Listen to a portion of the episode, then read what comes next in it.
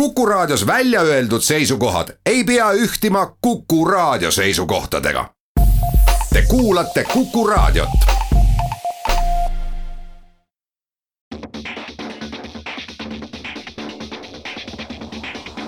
autotund. see on saade sulle, kui sul pole päris ükskõik, millise autoga sa sõidad. tere kuulajad, Autotund taas eetris, millest täna räägime? täna alustame külalisega ja räägime ennetustööst. ja edasi räägime ühest Toyotast, mis välja tuli. siis äh, ikka heast ostutoetusest, mida toetatakse. ning äh, äsja lõppes CES kaks tuhat kakskümmend tehnoloogiamess, kus äh, näidati ka üllatavalt palju autosid seekord. ja kui aega jääb, vaatame korraks, mille eest eelmine aasta trahvi tehti täna on saade natuke teistpidi, sest et meil on saates külaline ja meil oli ta vaja panna saate algusesse. tegemist on siis äh, Meelis Telliskivi Maanteeameti, kas on ennetusosakonna juhataja, on mul õigus? Või mis täpne on? tegelikult on äh, jah, on liiklusdirektor, ennetustöö on üks osa, mis nii-öelda, üks osakond, mis allub mulle. selge, ja tegelikult Meelise ma pidin stuudiosse kutsuma juba eelmine aasta, äh, rääkima sellist natuke ajaloolist tausta, natuke seda, mis nad teevad, täna me ei saa üle kahjuks sellest nädalavahetuse traagilisest Saaremaa õnnetusest kas sa oskad öelda, palju selliseid noh, nii karme õnnetusi, ma ei mõtle mittegi tagajärgedega, vaid seda, kus õnnetuse põhjustabki purjus juht ja kihutab ja selline noh, nagu tundub nagu võimatu ennetada. et ei ole võimalik, et see inimene ei tea, et ei tohi kihutada ja ei tohi rooli istuda. jah, tõesti, kõigepealt ka minu poolt sügav kaastunne selle Saaremaa õnnetuste lähedastele, et, et, et tõesti sellised õnnetused on väga traagilised.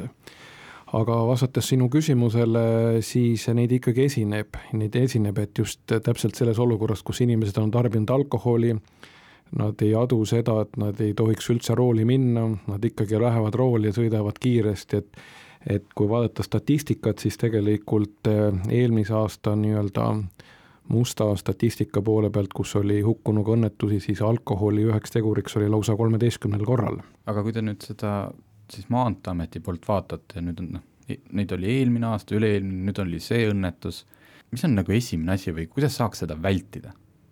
noh, minu, minu üks ettepanek oli see, et et inimesed peavad hakkama vajadusel ka oma lähedastele politseid kutsuma. räägime enam... natukene ah., natuke pikemalt sellest kohe varsti. okei okay,, ja lihtsalt, et kuidas seda vältida? Tegelikult äh, selle vältimiseks äh, ongi pikk tee, et, et see võib-olla konkreetne, kuidas jah, konkreetset juhtumist vältida, on üks asi, aga aga kogu inimese nii-öelda liikluskäitumine tervikuna, et, et kuidas ta rooli läheb, kuidas ta sealt toime tuleb, millist kiiris, kiirust kasutab, kas ta arvestab teistega, siis tegelikult see on hästi pikk protsess, et see ei olegi mitte ainult nii-öelda autojuhi lubade saamine, vaid vaid see tegelikult hakkab meil juba lapseeas pihta et, et kuidas me konkreetselt mingis olukorras käitume ja toime tuleme, kas me arvestame teistega või me arvestame ainult iseendaga ja selle tõttu ongi vaja sellel nii-öelda teel hästi palju inimest õpetada ja koolitada, et ta teeks ühel hetkel õigeid otsuseid ja ei käituks nii, nagu antud olukorral käituti. minul on tunne ka, et see on nagu selline pikk protsess, et kui me tulime üheksakümnendatest, kus äh, turvavöö kasutamine oli selline pigem nagu erandlik tegevus, siis nüüd me oleme jõudnud sinna, kus see on nagu täiesti normaalne ja pigem vaadatakse veidralt seda, kes tõesti veel ei, ei kasuta turvavööd. aga mul on tunne, et noh, ma ei tea, mis statistika ütleb, aga aga ma arvan, et see turvavöö kasutamine ikkagi seal üheksakümmend üheksa või kuskil sealkandis on aga üks asi, mis on, et kuskil sellistes kogukondades eh, selli, sellised, eh, kes noh, ega kodukond, kogukondades teatakse, et kes läheb purjus peaga rooli, tõenäoliselt kihutab jälle kuskil küla vahel, et selliseid, et pigistatakse silm kinni, mul on tunne veel sellisel kogukondlikul tasemel selliste asjade suhtes, aga mul on tunne, et võib-olla nüüd see Saaremaa õnnetus võib-olla paneb neid inimesi mõtlema, et et äkki ikkagi ei peaks seda tegema, vaid peaks ka sellisel olukorral ikkagi sekkuma ise jah, äh, kas selline asi, ma olen kuulnud Põhjamaades, mis natuke läheb selle Martini mõttega kokku, mm, kas mul on õigus, et on räägitud või seal on juba sisse viidud nagu isiks, et lubade saamisel hakatakse ka kuidagi isiksuse põhisust äh, arvesse võtma? kas mingid psühholoogilised hindamised või see on alles olnud plaan, mida ma olen kuskilt kuulnud? see on olnud tegelikult, osad riigid on seda nii-öelda katsetanud ja tegelikult osadel riikidel on aga plaanina aga just äh, tulles äh, nii-öelda Martini selle tähelepaneku juurde, siis tegelikult on täpselt sama, et kindlasti me saaksime ise sekkuda mõlemasse, et kas nii-öelda nii selle joomisse kui ka teine teema, mis tänasel hetkel tundub ka, et on niisugune reaalsus, mis isegi võib-olla ühiskond rohkem nõustub, on ka kiirustamine. sest tegelikult väga õige märkus turvavarustuse osas, tõesti täna peaaegu kõik seda kasutavad ja on täitsa loomulik, joomise osas on tõesti niimoodi, et ühiskond tegelikult taunib seda, et see ei ole okei okay,, aga mis näiteks meile väga ka tõsist muret teeb, et sama nii-öelda kiirustamine. et, et tegelikult on olemas ju selline asi, et lausa nii-öelda äh, inimeste jaoks, äh, miks me need kiirused paika paneme, selle jaoks, et ei juhtu õnnetusi ja mõned ikka inimesed aeg-ajalt mõtlevad, no miks nad piiravad seda kiirust linnas viiekümnele või maanteel saja kümnele, aga tegelikult on seal väga lihtne, nagu öeldakse, et ellujäämise valem seal taga. Et maantee peal kas või näiteks toon välja, et see sada kümme on selle tõttu, et kui me sõidame kokku metsloomaga suurema kiirusega, sada kümme, siis tegelikult tagajärjed on väga traagilised. ja linnaliikluses on see, et kui juhtume jalakäijaga kokku sõitma kiirusel rohkem kui nelikümmend kilomeetrit tunnis, on juba tagajärjed väga traagilised. et inimesed mõlemal juhul nii-öelda nii joomise või, või ka kiirustamise puhul peaks sellest aru saama, et see ei ole lihtsalt kellegi mingi piirang, vaid see tegelikult ongi eeldus, et me kõik õhtul tervelt koju jõuaksime käisin ühel Maanteeameti suurel konverentsil, kus Rootsi teadlane rääkis, et tegelikult kolmkümmend oleks asulasisene kiirusepiirang, aga miks seda veel ei ole? miks ei ole näiteks Tallinnas kolmkümmend, kust tuleb esimene vastasseis? selles mõttes avalikkus on nagunii vastu, aga kui ma mõtlen, et kui nüüd keegi hakkaks seda reaalselt äh, ellu viima? no tegelikult ongi, ega selliste otsuste tegemisel ongi vaja leida nii-öelda esimeseks ühiskondlik kokkulepe. et, et selle kolmekümne puhul on ka kindlasti see, et äh, koolialad, lasteaia lähedused ja kohad, kus võib olla tõenäosus, et keegi jookseb teele, on ta kindlasti koheselt nagu põhjendatud ja võiks olla. lihtsalt võib-olla inimesed või ühiskonna jaoks on aeg-ajalt küsimus, et kui ma sõidan näiteks õhtul Vabaduse puiesteel või kuskilt välja, kus on vähem rahvast, et miks mitte seal viiskümmend. aga nii nagu vaadata, et ega osad linnad täna ongi teinud, ka Tallinn muuseas on teinud, et osades kohtades tõmbanudki ikkagi juba ka jõuga kiiruse alla et, et pigem see on ikkagi just selline ühiskondlik kokkuleppe teema, et, et millise kiirusega sõita. aga kas on näha, et meil lähiaastatel hakkab neid aina rohkem tulema? ma arvan, et hakkab, et tegelikult äh, ütleme niimoodi, et selline ennetustöö ja inimeste teadlikkuse puhul suurendamine seda võimaldab, sest ma ütlen veel kord, et on kindlasti nii-öelda erinevad põlvkonnad on teatud seltskond, kellele meie jutt tänasel hetkel siin mõjub täitsa nagu mitte millegi, nad mõtlevad, mida nad seal räägivad, et ta on eluaeg sõitnud, ta teab täpselt, kuidas kõik toimub, et see on kõik selline nii-öelda teadlaste või ametnike mingisugune jutt aga tegelikult äh, need inimesed, kes ise on kuidagi seda olukorda reaalselt läbi elanud, on pidanud tegema äkkpidurduse või asjad, siis nad tegelikult ühel hetkel aduvad, et auto ei jää seisma või kui juhtub mingisugune selline õnnetuslaadne asi, nad saavad aru, et sellel asjal võivad olla väga traagilised tagajärjed. ja siis inimesed hakkavad aru saama, et aga miks mitte ikkagi võiks midagi teha või muuta. aga neid samu asju, mis sa praegu rääkisid, sõiduõppesse sisse viia seesama, et inimest pandaks äh, sõidu, noh, õppesõidu ajal nendesse olukordadesse, loomulikult mitte päris tänaval ja päris inimestega, aga sest praegult see libeda õpe on, aga just seesama, et äh, panna ta kriisiolukorda, kas siis kuskil äh, nendel platsidel, ühesõnaga rohkem teha sellist õpet, kus ta tunneks. ma lihtsalt enda kogemusest ütlen, et see libeda sõidus, see, kui sa ikka auto üle kontrolli kaotad, see oli ikka üks õpetlikumaid asju, mis mina kuna üldse minu meelest autokoolis sain, et üks asi on liiklusreeglid, jah, noh, küll need saad selgeks, on ju, ja, ja suudad autoga sõita, aga pigem see hetk, kui sa selle auto üle kontrolli kaotad, see oli üks võib-olla kõige õpetlikumaid asju üldse autokoolis jah, kindlasti on ja tegelikult äh, miks tänasel hetkel näiteks paljud alarmsõidukid ja seal õpetatakse just selle tõttu, et kus ütleme, tõenäosus, et inimene satub sinna olukorda, peab sealt välja tulema. täna võib-olla autokoolide puhul on see asi, et üritatakse hästi nii-öelda lühikese ajaperioodi see kokku panna aga tegelikult nii, nagu me ka ütleme, mootorrataste sõitjatel on teinud, et lisaks ju autokoolil on alati võimalus võtta ka täiendkoolitusi või asju või aru saada, et kuidas mingitest olukordadest välja tulla.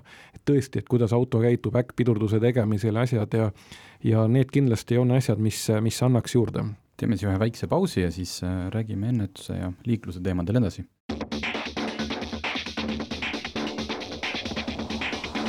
autotund see on saade sulle, kui sul pole päris ükskõik, millise autoga sa sõidad. autotund on tagasi, stuudios on Meelis Telliskivi Maanteeametist ja Martin Mets Tarmo Tähe poolt Autogeeniusest. muuseas, mis puudutab autoõpet, siis ma kuulasin ühte äh, Ameerika autoteemalist podcast'i ja seal nad päris pikalt rääkisid sellest, nad ei nimetanud konkreetset riiki, aga nad olid hästi pikalt selle juures, kuidas Põhja-Euroopas, seal on täiesti karm lubade saamine. Ta võrdles siis selle Ameerikaga, ta ütles, et kui tema oleks, peaks kuskil seal Põhja-Euroopas lube tegema, siis ta ei saakski neid vist kunagi kätte. ma ei tea, kas, ma loodan, et ta pidas silmas Eestit, aga või on veel kellelgi kuskil. just see põhjalikkus, et seal vist lubade tegemine võtab aasta aega ja noh, Eestis nii palju ei ole, aga aga vähemalt foon on selline, et meil on hästi. veel siin lubade teemale lisaks et meil on neid äh, raske väidetavalt kätte saada, tegelikult ei ole, aga kas inimene, kas tal on võimalus või kas ta peaks kuidagi ennast täiendama? mis võimalused on hetkel, kui ma, ma olen äh, sõitnud kakskümmend aastat, aga ma tahaks veel juurde, ma tahaks olla parem juht? No tegelikult on siin, et siin tuleb vaadata juhte veel kahes aspektis, üks on nii-öelda tavaline igapäevakasutaja ja teine on nii-öelda professionaalsed juhid et tavakasutajatel meil otsest täiendusõpet ei ole nii-öelda seadusega ette nähtud, aga alati see võimalus on olemas, kas nüüd autokoolide juures, sama nende libeda sõidu platside juures, või siis on ka nii-öelda firmad, kes õpetavad välja alarmjuhi äh, sõidukeid, et seal endale saada selliseid täiendavaid teadmisi ja oskusi. ja miks mitte ka võib-olla erinevatel äh, ringradade juures lihtsalt nii-öelda harjutada, kuidas auto kiiresti käitub.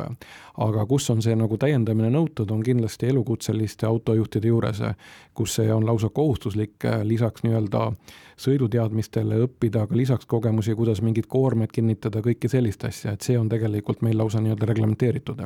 mul tuli kõrvalt üks küsimus meelde, kas autokoolil on võimalik äh, õpilast ka mitte läbi lasta. selles mõttes, et ta, ta teeb teooria ära, aga autokool saab anda hinnangu, et sorry, see tüüp ei ole valmis vaimselt liiklusesse no, sisenema tegelikult äh, nüüd see asi natukene muutus, mingi aeg tagasi oli jah see, et autokoolis oli nii-öelda autokooli eksamine kohustuslik ja selle nii-öelda läbisaamine ka, et ennem sa ei saanudki edasi liikuda.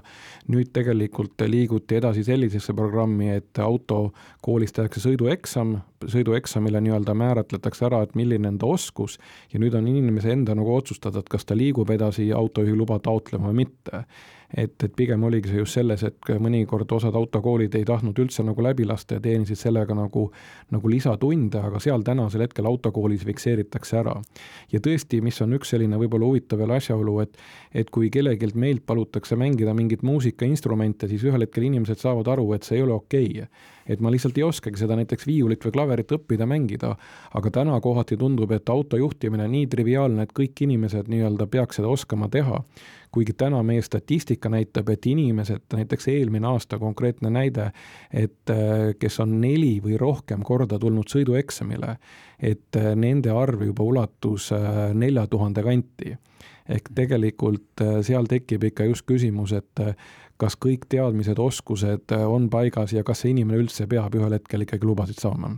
see on muidugi see küsimus ka, et mida ma olen päris palju kuulnud, et noh, mõned inimesed lihtsalt niivõrd närvis sellest eksamist, mitte kui sõitmisest, et kuidas nagu täpselt need inimesed sealt nüüd eraldada, on ju, et aru saada, et probleem on tegelikult lihtsalt selles Seda etteastes seda kindlasti. mina mõtlesin, äh, pidasin silmas, oli, mulle kirjeldati juhtumit hiljuti, kuidas autokoolis oli üks tüüp, nagu nad on, selline kaheksateist, üheksateist, ja no nii enesekindel, noh, ta selles mõttes juba bravuuritseb, kuidas ta tegelikult on ammu juba sõitnud, ta on mitu korda matsu pannud, sa näed, et seal noh, et seal tuli põleb, aga tegelikult seal pea sees toimuvad täiesti valed asjad, et ta on tulnud sinna, et saada kätte see roosa kaardike, aga tegelikult vaimselt on ta täiesti nagu selles mõttes katkine juht. et kas on, kas on mingeid kohta, kus autokool saaks panna Maanteeametisse väikse linnukese, et tegemist, et see tüüp tuleks saata vaimsele nagu, või ta peabki talle andma, jah, tegid teooria ära, tegid sõidu ära, palun mine eksamile ja me keegi ei tea jah, nii nagu Tarmo Vatas alguses küsisid, et kas sellist äh, asja nii-öelda on, et täna tegelikult, kui ta ikkagi tervis on korras, aga ja. ta lihtsalt niisugune, ütleme, käitumismudel on selline noorele inimesele agressiivsem,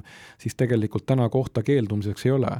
et äh, pigem siin lihtsalt ongi just seesama asi, et et ühiskond peaks nii-öelda andma märku ja kujundama, et, et selline agressiivne toimetamine roolis ei ole mitte sugugi okei okay.. ja seda kindlasti täna kinnitab ka statistika, et et nii-öelda kaheksateist kuni kakskümmend kolm, kakskümmend neli on see ikkagi grupp, kus satutakse tihemini avariisse, et seal tuleb ise olla nagu ettevaatlikum ja kindlasti ei ole liiklus see koht, kus ennast nii-öelda välja elada. aga mis noh, tõenäoliselt ei ole nüüd selle nädalavahetuse juhtumiga seoses veel mingeid otsuseid, aga mis on üldine suund, mida Maanteeamet äh, järgmiste käikudena ette võtab, et ma saan aru, me liigume selle nullvisiooni suunas. Ja nullvisioon on selline kaugem eesmärk, aga, aga mis Maanteeamet teeb tegelikult ennetustegevusena, me katame kogu nii-öelda inimese elukaart, ehk me ennetustegevusega tegeleme aktiivselt alates äh, lasteaiaealist lastest, sest tegelikult on väga oluline, et et meie väiksed äh, lapsed, kes satuvad nii-öelda liiklusesse, seal nagu toime tuleks. Ja tegelikult on samamoodi kaetud ka kõik kooliastmed siis on see iga, kus inimene nii-öelda kas teeb autojuhilaad või mitte, asub ta nii-öelda jalakäija liiklusesse ja, ja kindlasti selliste, aktiivselt tegeleme ka eakatega, nii-öelda nii eakad äh, tavalises jalakäijana kui eakad roolis et hästi aktiivselt on just niisugune nii-öelda ennetustöö ja ka liikluskasvatus liiklushariduse pool. et just nii-öelda selline samm sammu haaval, kaart kaardi haaval seda vundamenti laduda, et, et inimene just käituks nii-öelda liikluses õigesti, et ta ei oleks teistele ohtlik ja kui ta ise liikluses liigub, kas või siis jalakäijana või jalgratturina, et ta paneks ka tähele, mis ümberringi liikluses toimub. kas teoreetiliselt Eesti oleks äh, kunagi valmis ka selleks, et näiteks load saavad kuueteistaastased, nagu Ameerikas on?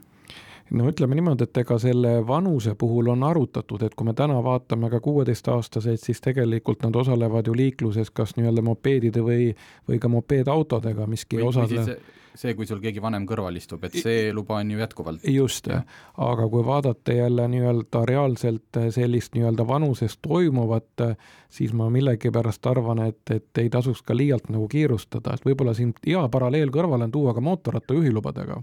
et kui meil täna näiteks mootorrattas on väga täpselt paika pandud teatud vanusele, et kui võimsa mootorrattaga sa võid sõita, siis autode puhul, kuigi ka autode võimsus on täiesti erinevad ja kiirusnäitajad erinevad, siis autode puhul see nii ei ole, et, et sa saad nii-öelda kaheksateist, eh, on küll alguses nii-öelda esmased load, eks ju, aga, aga ikkagi on see, et, et ükskõik mis võimsusastmega sa saad autoga sõita.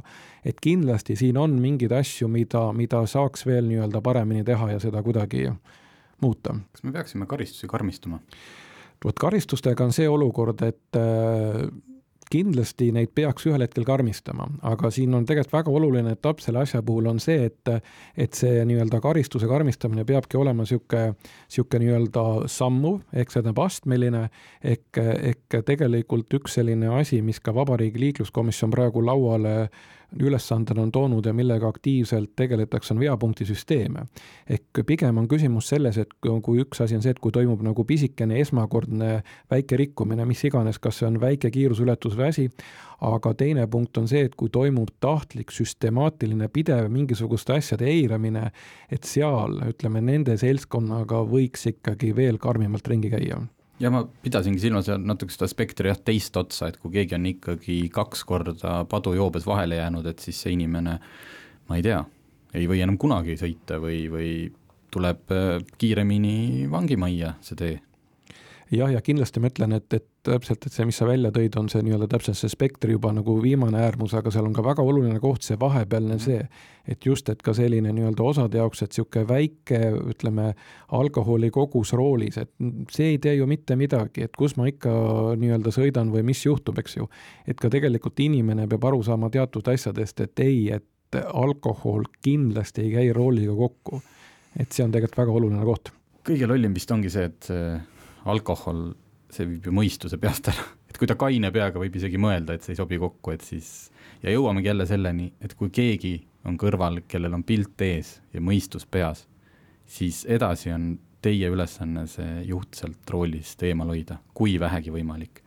ja kui ise füüsiliselt ei suuda, siis tuleb politseisse helistada kohe, kui te näete, et keegi hakkab rooli minema. teeme siia väikse pausi ja siis äh, teeme oma uudiste osa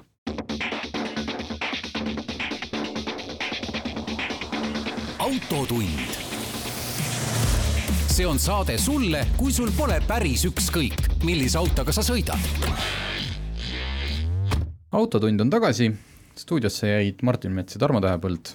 Äh, poolsujuva üleminekuga räägime siis uudiseid ja võtsime esimese uudisena trahvisummad aastal kaks tuhat üheksateist mis siis on tehtud kiiruskaamerate poolt, nii mobiilsete kui ka statsionaarsete ehk siis need, mis on maagiliselt kinni. kiiruskaamerate mobiilsete puhul äh, algselt räägiti, et see ei olnud küll eesmärk äh, koguda raha, aga prognoositi, sest sa pead mingi numbri paberile panema, üks koma viis miljonit äh, eurot aga nende mobiilsete kiiruskaamerate kasutuselevõtt vist viibis päris pikalt ja nad tulid millalgi suvel millalgi. suvel tulid juulis vist ja seega nad tegid trahve kuuesaja tuhande euro eest ja noh, see ei ole ka vähe, aga kokku tehti kiiruskaameratest kaks koma kolm miljonit eurot ja kokku saadeti välja sada kolmkümmend üheksa tuhat trahviteadet. see on siis rohkem kui kümme tuhat trahvi igas kuus? jaa, aga me täpselt äh, numbreid selles mõttes ei ole, me ise natuke arvutasime, et keskmiselt ei ületatud kiirus alla kümne kilomeetri tunnis,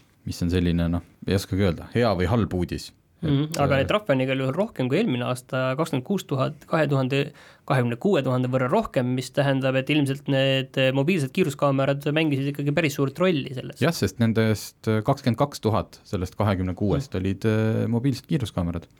lisaks on teinud äh, Tallinnas Kristiine ristmikul olnud foorikaamera tuvastanud kuus tuhat kolmsada rikkumist millest tuhat viissada olid keelava fooritule rikkumised. et äh, kes ei tea, siis Kristiine ristmikul ei tohi, mitte kuskil ei tohi, aga Kristiine ristmikul salvestatakse ja saadetakse sulle teade koju koos trahvinõudega, kui sa ületad punase tulega ristmikku tulles tagasi meie saate selle esimese poole juurde, siis ma tahaksin öelda lihtsalt seda veel, et kogu selle ennetustöö juures ilmselt asi, mida ikkagi Eestis natuke on vähemaks jäänud, on see, et reede õhtul või laupäeva õhtul küla vahel lihtsalt kuskil seisab politseiauto.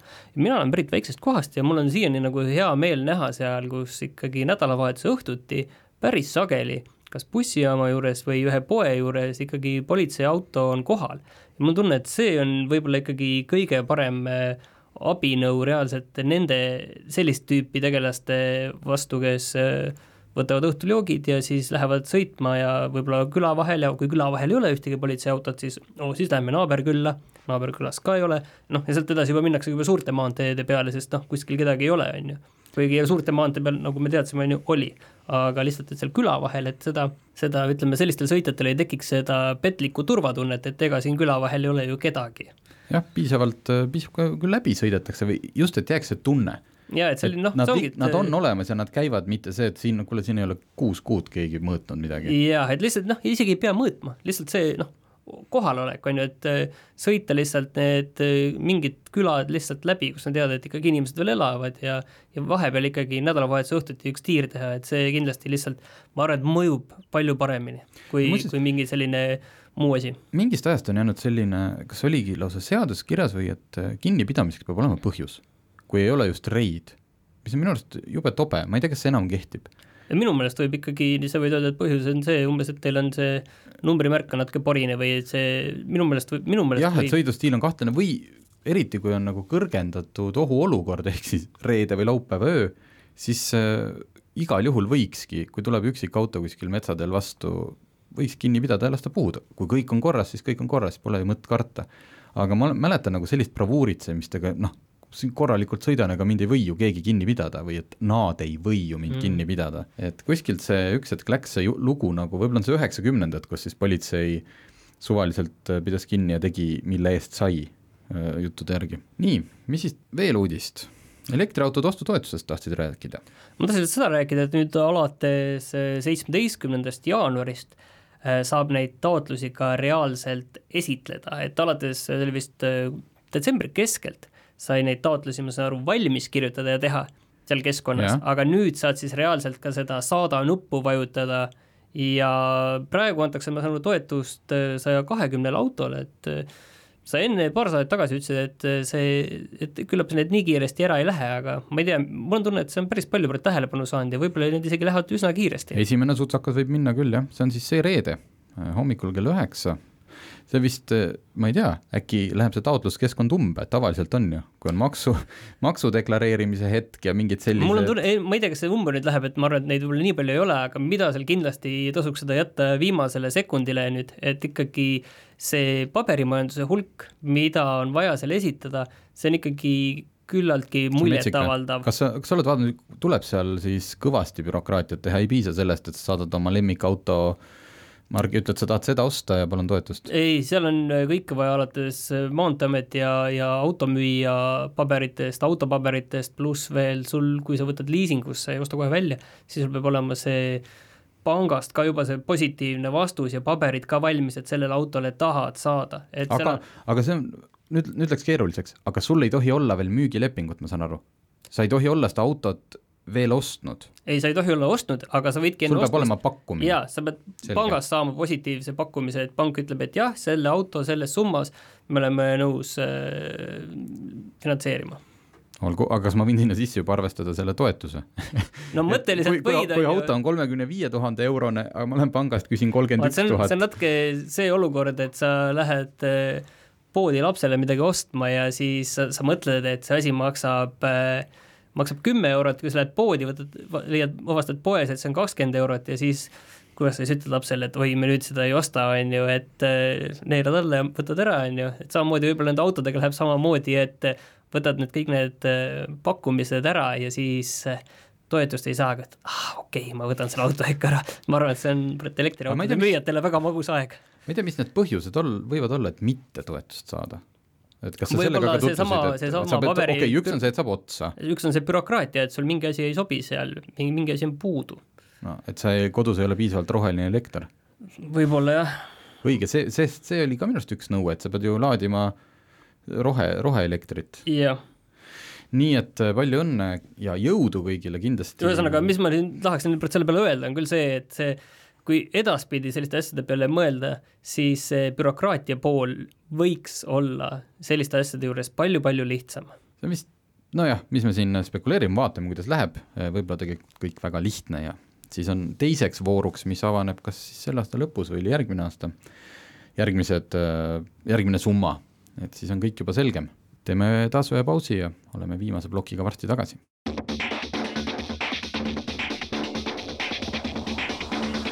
autotund. see on saade sulle, kui sul pole päris ükskõik, millise autoga sa sõidad. autotund eetris ja lõpuks oleme jõudnud ka autodeni. eelmise nädala kahtlemata kõige olulisem autouudis, mitte liiklus, aga just nimelt auto. puhas metall, neli ratast, bensiin äh, ajas kihevile kõik ringkonnad, juba jõuti ka minna vaidlema, et see on kõik äh, et ei saada aru, mis selle üle nüüd siis nii väga rõõmustada, et Toyota tegi uue Yarise. ahaa, me, muuseas, Toyotal tuleb ka uus Yaris, aga tegemist on Toyota GR Yarisega ehk Gazoo Racing, mis tähendab seda, et üle aastate ilmub tänavatele taas ralliauto moodi, ühesõnaga siis tänavasõiduk. seni, kui te mõtlete, et äh, ralli karussellis meil on siis äh, Hyundai, Toyota, eelmine aasta oli veel Citroen, äh, Ford siis ühestki nendest autodest ei olnud tegelikult kaugeltki samaväärset tänavasõiduversiooni, ehk siis nelikveolist väga käredat äh, autot, nagu neid tehti vanasti. miks neid tehti, miks neid nüüd peab tegema, tegemist on hästi raske sõna, ma ajan selle alati sassi, homologeerimine, nüüd tuli välja, tähendab seda, et äh, Toyota Yarise ralliauto, WRC auto on juba nii palju muutunud oma mõõtudelt ja disainilt, selleks, et nad võiksid seda autot kasutada rallil, peavad nad tegema teatud koguse tänavasõiduautosid, mis on kakskümmend viis tuhat, mis tähendab seda, et nad töötasid välja täiesti noh, mitte nullist, aga tegemist ei ole, et on võetud tavaline Toyota Yaris ja topitud sinna hästi võimas mootor vahele ja ongi kõik, see on palju-palju suurem inseneritöö alates sellest, et auto kere esimene tagumine osa on võetud erinevatelt Toyota mudelitelt, mitte Yarise baasil. siis sinna on tehtud äh, selline korralik nelikvedu, mida, mille võimsust saab jaotada eri telgedel, eri sildadel. seal on manuaalkäigukast, seal on äh, praeguseks maailma kõige võimsam kolmesilindriline ühe koma kuue liitrine mootor, äh, kakssada kuuskümmend kaks hobujõudu vist. ühesõnaga, tõeliselt võimekas tänavasõidurallikas ja loomulikult loodetavasti teised tulevad järgi, äh, auto hind on teada ma just tahtsin sinna jõuda, et Yaris ei ole ju väga kallis auto. jah, nüüd me jõuame jälle seda auto hinnad, et mis on kallis, et äh, teada on Jaapani hinnad praegult, seda on kahte, alguses tuleb kahes versioonis, põhiliselt erineb siis varustuse poolest, äh, tehniliselt on muidu sama, üks on natukene rohkem kiirel sõidul orienteeritud, no Jaapani hind oli vist kolmkümmend tuhat eurot võib öelda, on selline keskmine mm.. see kallim versioon on ju kolmkümmend neli tuhat. Äh, seda, mis hinnaga tuleb see auto Euroopasse äh, ja siis Eestisse, täpselt keegi ei tea.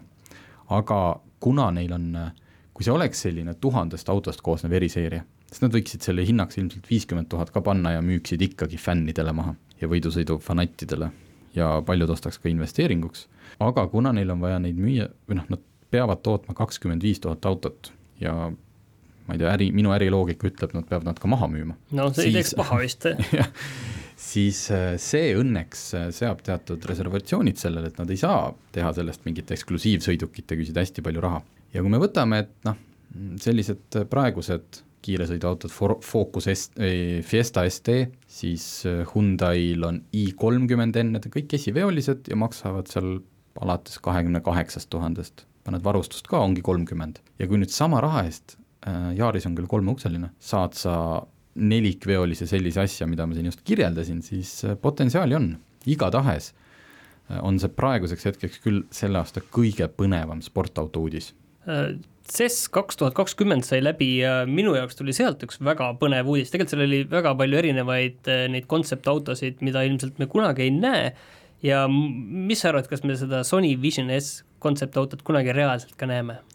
Tead, ma oleks selle mõned päevad tagasi veel äh, võinud siin hakata heietama ja no miks mitte, sellepärast et see Sony Vision S on ehitatud äh, selle tehniline ehk siis auto tehniline mm. pool, elektrimootor, raam, kõik on äh, sellise Austria firma nagu Magna poolt, mis toodabki väga suurelt autotööstusele erinevaid detaile. mis tähendab see, et noh, miks mitte, kui Magna on valmis teinud ühe elektriauto platvormi, noh, nad tegid selle küll spetsiaalselt Sony jaoks, ja Sony topib peale tehnika kuskilt disainerilt võetakse 3D prinditud kere, et miks mitte. aga et noh, ütleme tänapäeva maailmas see oleks teoreetiliselt võimalik, kas, kas see Sonyl majanduslik mõttekas oleks, see on veel eraldi case. aga ei, Sony on öelnud, et see oli ikkagi puhtalt selline auto, mis näitab nende tehnoloogilist võimekust. aga mis tehnoloogiat nad seal näitasid siis? ma saan aru, et seal oli palju ekraane ja sensoreid ja kusjuures mina sain aru nii, et tegemist ei ole isejuhtiva sõidukiga et see sensor mõõdab siis su südamerütme ja ma saan aru kõike, sind ümbritsevad ja sind ennast ja seal on palju ekraane, ma saan aru, et veidral kombel seal Playstationit ei ole sees, aga seal mingid ekraanid ja mängud ja kellad ja tuled ja videod kõik olid noh, samamoodi ekraan on ikka ühest autoservast teiseni, terve armatuur on seda täis ja et nii nagu olema peab. kohati mõtled, et, et noh, et kui, kui keeruline või milline geniaal, tegelikult geniaalne turundusnipp, sest kõik, nii kui see kate pealt tõmmati, kõik rääkisid üle maailma, kogu meedia oli, Sony tegi auto, seal sees olid need võimekad sensorid ja asjad, oleks Sony pannud lihtsalt mingi putka püsti, näidanud, et vot meil, tulge nüüd vaadake, meil on siis niisugune äge sensor ja vaadake seda ekraani ja selle võib ka autosse panna, kui tahate.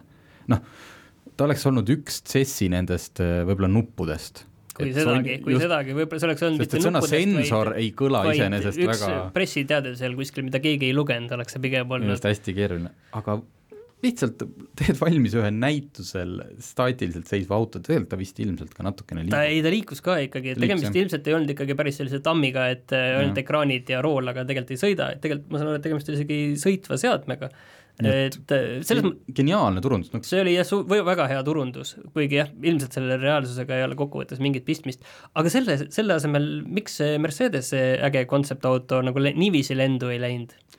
ma ei teagi, ta kirjelda seda korra. see ongi see, et kes, kes, eks ju, mis uudiseid loeb. kas sa suudad seda kirjeldada? et meil on traditsiooniline autofirma, kes tegi enda äh, jaa, kui Sony, kui Sony nägi välja selline ikka jah, traditsioon nagu ütleme natuke Tesla Model kolm või S. jah, ma tahtsin jah, me ei kirjeldanud seda, mis oli väga halb, et täpselt selline Tesla. Polnudki midagi kirjeldada. aga, aga siis jah, Mercedes läks välja, üldse, ma ütlen, jah, võib-olla me saame ühe, ühte saatesse siin lähiajal veel kutsuda ka Paula Johanna, kes käis seal eh, CES-il kohal, mitte küll päris meie teda ei saatnud, aga küll ta, saime talt palju pilte, et eh, ta on kolinud, äh, autofirmad on kolinud elektroonikamessile. sest ma saan aru, et äh, üks Ameerika suur mess on Naias, tead sa yeah., mis kas see aasta jäi ära või oli vaheaasta? ma sellest äh, maailmast palju aga ei tea. Cecile on tegelikult viimastel aastatel aina rohkem on autosid tulnud, aga kunagi ei ole olnud nii palju kui see aasta. jaa, sest sealt oli Paulalt palju neid pilte, et siin on BMW paviljon yeah,, siin on Audi, Audi ja Mercedes. Jeep, et kõik ja. olid kohal peaaegu. aga no Mercedes oli siis äh, lati löönud nii kõrgele, et oli ehitanud noh, ikka sellise ulmeauto ja, ja kuna me oleme näinud, eks ju, Cybertrucki Tesla oma, mis me aasta tagasi oleks võinud arvata, et on ka ulmeauto. ei, tegelikult ei ole. siis Mercedese kontsept kandis nime AVTR ehk mis noh, ilmselge viide Avatar, see film ja noh, ta oli tõeline niisugune, nagu te kujutate ette, kõige ulmelisem kontseptauto mis selle kohta räägiti, oli see on selline auto, mis kaheksakümnendatel nagu selline ulmefilmi selline, milline on aastal kaks tuhat kakskümmend auto, see oli umbes selline masin, sellised suured Kahjuks rehvid, kõik helendab. ümmargune, kõik ja. helendab. kahjuks jah, ei ole kakskümmend kakskümmend veel selliseid autosid aga see pakkus nii palju huvi, et kuna seda esitleti väikse sellise show'na, mingi performance'ina, siis oli seal pooleteisttunnine saba olnud, et saada sinna Mercedese saali, kus siis sulle esitatakse see kaheksaminutiline etendus, millest me peagi äh, kirjutame, loodetavasti ka räägime, aga jah, et äh, see CES näitas põhiliselt seda, et autofirmad lähevad elektroonikasse ja meie ja samas me kogu aeg kuuleme, kuidas need autonäitused kiratsevad, paljud ettevõtted üldse sinna ei lähegi enam, sest see on nii kallis, et nüüd on näha. ma arvan, et paar lähemat aastat annavad arutust, kas see on äh, selline hetkeline, et äh, kuidas ma ütlen äh,, haip, et me teeme nüüd elektroonikat, siis me läheme elektroonikamessile, või siis hakkabki nii olema, et see, need kaks maailma koonduvad ja me me töötame see, sinuga varsti pig... ikkagi ühes portaalis, kus on ma... tehnoloogia ja autoportaal. tegelikult see ongi, ma arvan niiviisi jah, et need niivõrd palju sulavad aina rohkem kokku, et mis kõik need uued tehnoloogiad ja kui me jõuame sinna isejuhtimiseni või mingi sellise asjalikuma isejuhtimiseni, siis lihtsalt see lihtsalt sulab kokku üheks ja need autod ei ole enam sellest muud, muust digimaailmast enam nii palju erinevad, et ja, paljudel siis... on, paljudel on sellest kindlasti väga kahju. ja siis me teeme saidi nimega bensiiniauto geenius. nii, aga sellega on saateaeg läbi ja kohtume järgmine nädal.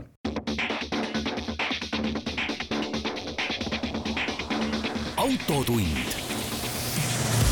see on saade sulle, kui sul pole päris ükskõik, millise autoga sa sõidad